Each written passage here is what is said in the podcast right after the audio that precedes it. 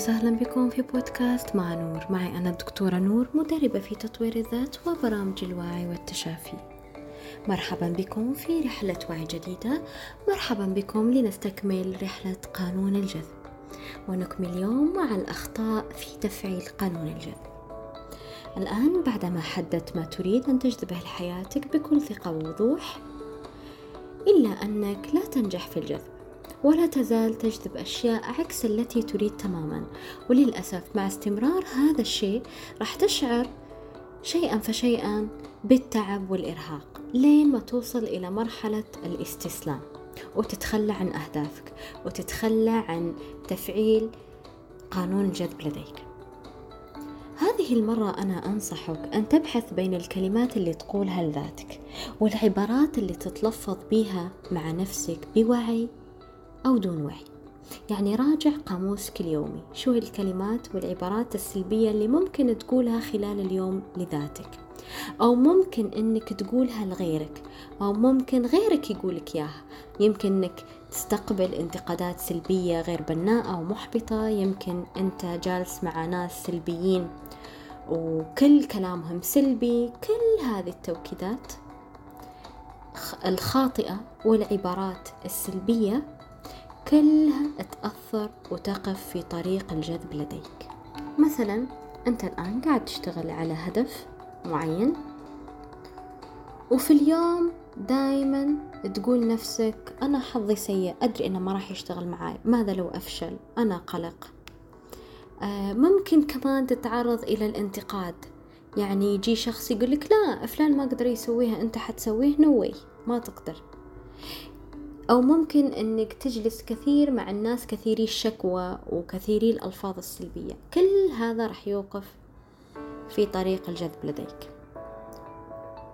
أحيانا فعلا نلقى الكثير من الناس كثيري الشكوى والسلبية. تقول لهم كيف حالكم؟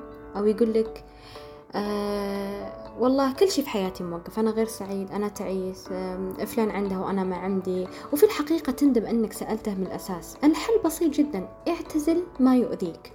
اعتزل الناس السلبية لأنهم ما راح يخدموا هدفك أبدا ولا راح يخدموا طاقة آه، الجذب عندك وطاقة التجلي. كذلك اجلس مع نفسك بعض الوقت خذ ورقة وقلم اكتب عليها كل العبارات السلبية اللي تعودت تقولها لنفسك. ومقابل هالعبارات اكتب صيغتها الإيجابية. يعني إذا أنا أقول أنا آه، أخاف من الفشل قل أنا إنسان ناجح. بدل ما تقول أنا حظي سيء اكتب أنا حظي جيد ورائع. أنا شخص محظوظ جدا بسيطة جدا. خطأ آخر نقع فيه الكثير تقع فيه الكثير ونقع فيه كلنا يعني للأمانة هو أنه دائما لما نقع في الأشياء السيئة والأشياء السلبية نلقي اللوم على الآخرين وعلى الظروف. ولا نتحمل مسؤولية ذلك. يعني كل مرة نخسر فيها كل مرة نحزن فيها كل مرة نفشل فيها نروح نلقي باللوم على غيرنا أو على الظروف. راح أقول لك لن تتمكن من تفعيل قانون الجذب في هذه الحالة. لماذا؟ لأن قانون الجذب لا يعمل مع الإسقاطات. لا يفهم فكرة الإسقاطات. لأنك في الحقيقة قاعد تهرب من معالجة أخطائك وتحاول آه، تلقي اللوم على ظروف معينة. بدل من أنك تجلس وتتعرف على أفكارك ومعتقداتك الخاطئة وتغيرها أنت قاعد تلقي باللوم على غيرك لأنك بالأساس وفي الأصل غير مقتنع أنك أنت السبب لما تملكه من أفكار سلبية. الحل أنك تتحمل المسؤولية والحل أنك تقتنع أن كل شيء يحصل لنا سيء كان أو سلس أو أو إيجابي من فعل أنفسنا. يعني كل أمر سيء يحصل لنا هو إشارة أن هناك خلل وجود خلل في داخلنا.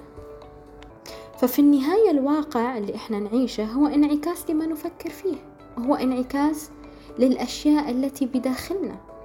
حتى الله عز وجل فهذا المقام قال وما أصابكم من مصيبة فبما كسبت أيديكم. ويعفو عن كثير. خطأ آخر نقع فيه وهو التركيز على ما لا تريد. راح أعطيك مثال. يعني تقول أنا لا أريد الفشل. ناهيك عن أنها تحمل كلمة سلبية وهي كلمة الفشل. هي أيضا تحمل كلمة لا. ونحن نعلم أن قانون الجذب وقوانين العقل اللاواعي لا تعرف كلمة لا. يعني هي راح تحتفظ بالكلمة السلبية فقط. أنا لا أريد الفقر أنا لا أريد الحرمان أنا لا أريد الديون. كل ما ستجده في حياتك هو المزيد من الفشل والمزيد من الفقر والمزيد من الديون. حول أفكارك وعباراتك إلى أسلوب مثبت. هذا هو الحل. لأن عقلك اللاواعي وقانون الجذب مثل ما قلت سابقا لا يعرف كلمة لا. ما عنده في قاموسه كلمة لا. ما يعرف يقرأها. لما يجي حل العبارة راح يقرأها بدون كلمة لا. مثلا أنت على مستوى العقل الواعي راح تقول أنا لا أريد الفشل. عقلك الواعي يوم يجي يقرأها ويترجمها عنده يقول أنا أريد الفشل. لذلك لا تستخدم الجمل المنفية ولا تستخدم العبارات ولا الكلمات اللي تحمل معنى سلبي. استخدم الجمل المثبتة استخدم الجمل الإيجابية. بدل ما تقول أنا لا أريد الفشل قل أنا أنجح باستمرار. بسيطة جدا. جملة مثبتة وإيجابية وتحمل معنى إيجابي وتخدم وتعبر عما تريد. فقط. المؤمن مطالب بالتوكل على الله عز وجل لكنه مطالب بالأخذ بالأسباب كذلك. فقانون الجذب ليس مجرد شعور بالأمل ولا بإرسال فكرة أو بإرسال طاقة جذب وبعدها تتحصل على كل ما تريد لا. آه، في الكثير من الناس يقول لك شوف أنت بس أرسل طاقة وفكر في الشيء وانتظر سوف تتجلى المعجزات في حياتك لا. ليس هذا هو عمق قانون الجذب. فقانون الجذب يقدم لك الوسائل يقدم لك الفرص يقدم لك الأسباب الطرق التي من شأنها أن تساعدك في الوصول إلى هدفك. وأنت بدورك عليك أن تستغل كل فرصة تجيك وأن تعمل بها حتى لو كانت صغيرة للغاية. لا تغلق بابك أمام الفرص الصغيرة لأن الفرص الصغيرة راح تجيب لك فرص أكبر بعدها. لذلك استغلها لصالحك فهي مجرد بداية لتحقيق فرص أكبر وأهداف أكبر. وكذلك في حال عدم استغلالك لهالفرص سبحان الله راح تتوقف عن التجلي في حياتك. كل ما تغلق بابك أمام الفرص الصغيرة سوف تختفي. يعني حتى الفرص الصغيرة يوما ما سوف تختفي من حياتك. لذلك دائما خذ بالأسباب واستغل الفرص اللي تجيك.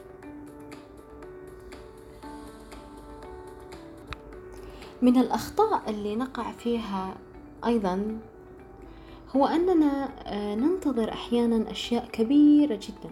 حتى أحيانا ننتظر أشياء غير واقعية دفعة واحدة. يعني أنت الآن جالس وتريد أن تفعل قانون الجذب وتقول أنا راح أستقبل مية مليون دولار كجائزة أو هدية من شخص ما. صدقني لو كرست حياتك كلها وأربعة وعشرين ساعة من يومك في جذب هذا الشيء ما راح يجيك. لأنك قاعد آه، تنتظر شيء كبير وضخم دفعة واحدة. غير ذلك قاعد تنتظر في أهداف ضخمة وغير قابلة للتحقيق. ما تقدر تحققها على أرض الواقع. لابد أن تضع أهداف قابلة للتحقيق على أرض الواقع. ولا بد أن تقسم هذه الأهداف إلى أهداف صغيرة وهذه الفرص إلى فرص صغيرة وهذه الأفكار إلى أفكار جزئية وتشتغل عليها جزءا جزء بجزء.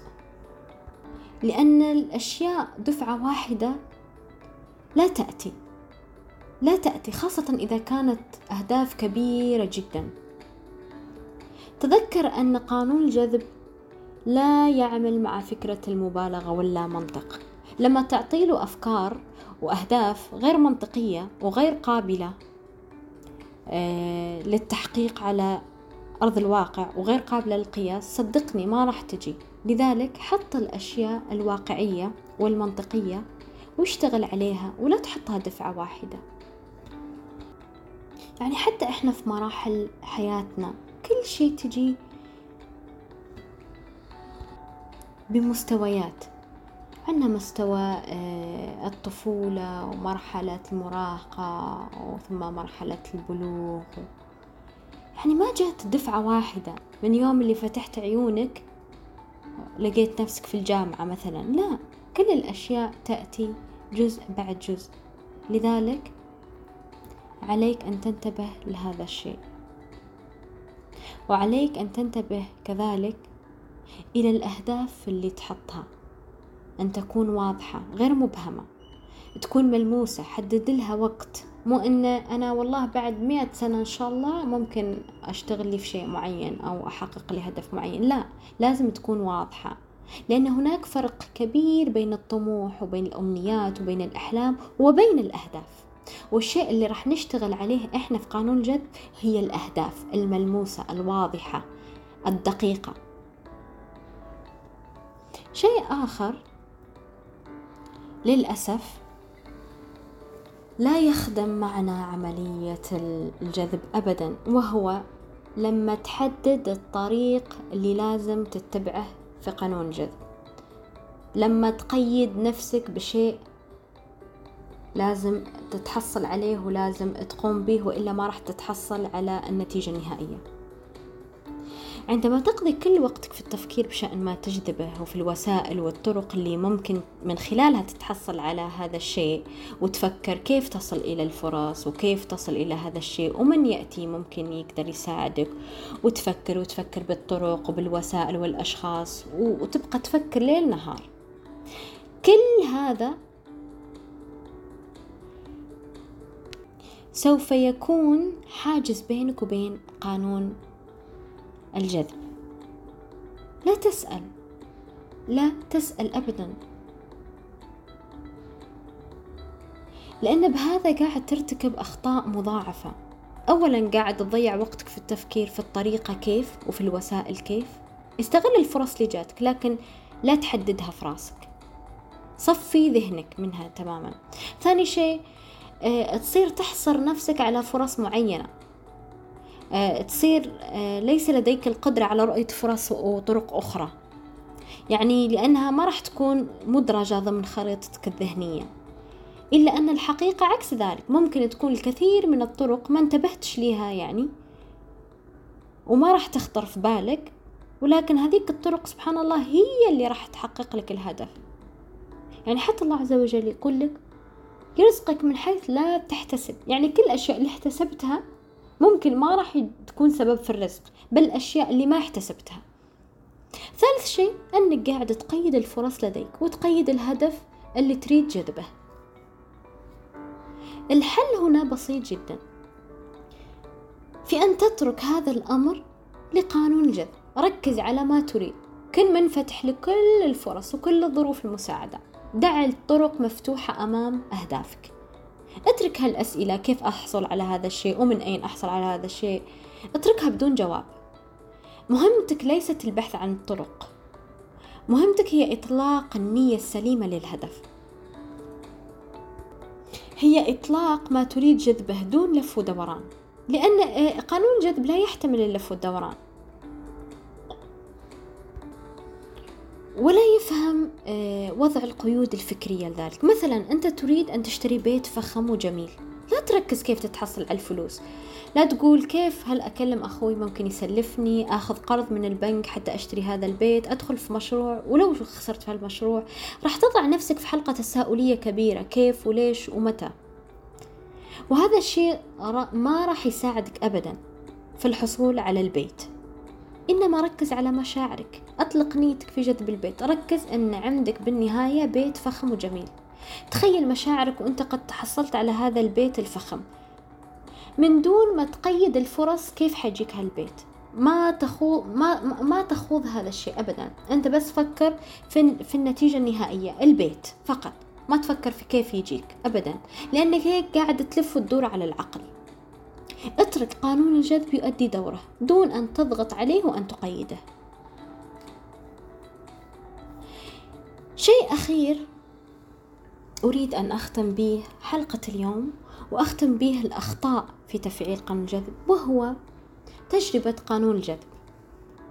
يجيك شخص يقولك أنا والله صار لي فترة قريبة سمعت عن قانون الجذب وحبيت الموضوع. قلت خليني خليني أجربه. شفت كلمة أجربه؟ بحد ذاتها راح تعمل لك بلوك في قانون الجذب. ليش؟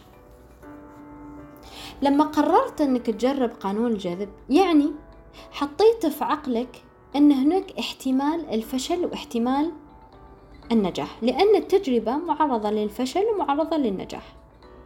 كلمة تجربة لوحدها عندما قررت أن تقولها لنفسك خليني أجرب قانون الجذب هنا أنك وضعت خمسين بالمية في أن تنجح معاك آه، قانون جذب وخمسين بالمية في أن يفشل معاك قانون الجذب بالتالي لن تحصل على أي شيء لأنك مشكك في نجاح قانون الجذب أعطيت له خمسين بالمية فقط بدل ما تعطيه مئة بالمئة. لابد أن تتأكد أنك ستحصل على النتائج التي تريد. وبالصفة التي تريد. وبالنسبة التي تريد. بنسبة مئة بالمئة قانون جد إن شاء الله سوف يشتغل معي. وكلمة تجربة تمسحها نهائي من قاموسك أثناء تفعيل قانون الجذب لديك. إذا كنت تريد أن تنجح لابد وأن تفعل ضمان النجاح لديك. لابد أن تثق بقدرتك وقدرة عقلك اللاواعي وقدرة الظروف وقبل كل شيء قدرة الله عز وجل. لأن الله يوم يسخر لك الشيء أمره بين كاف والنون. يقول للأمر كن فيكون. هذا الشيء تعطيك راحة كبيرة جدا في النجاح. لما تذكر أن معي أن الله معك معية الله. يكفيك ويغنيك عن كل الأشياء الثانية. لذلك يجب أن تتعمق في فهم قانون الجذب ويجب أن تتعمق في فهم أخطائه وتفاديها حتى تتمكن من تفعيل قانون الجذب بطريقة صحيحة. ألقاكم بحب وعلى حب وأنتم كل حب. في خطوات تفعيل قانون الجذب في الحلقات القادمة بإذن الله.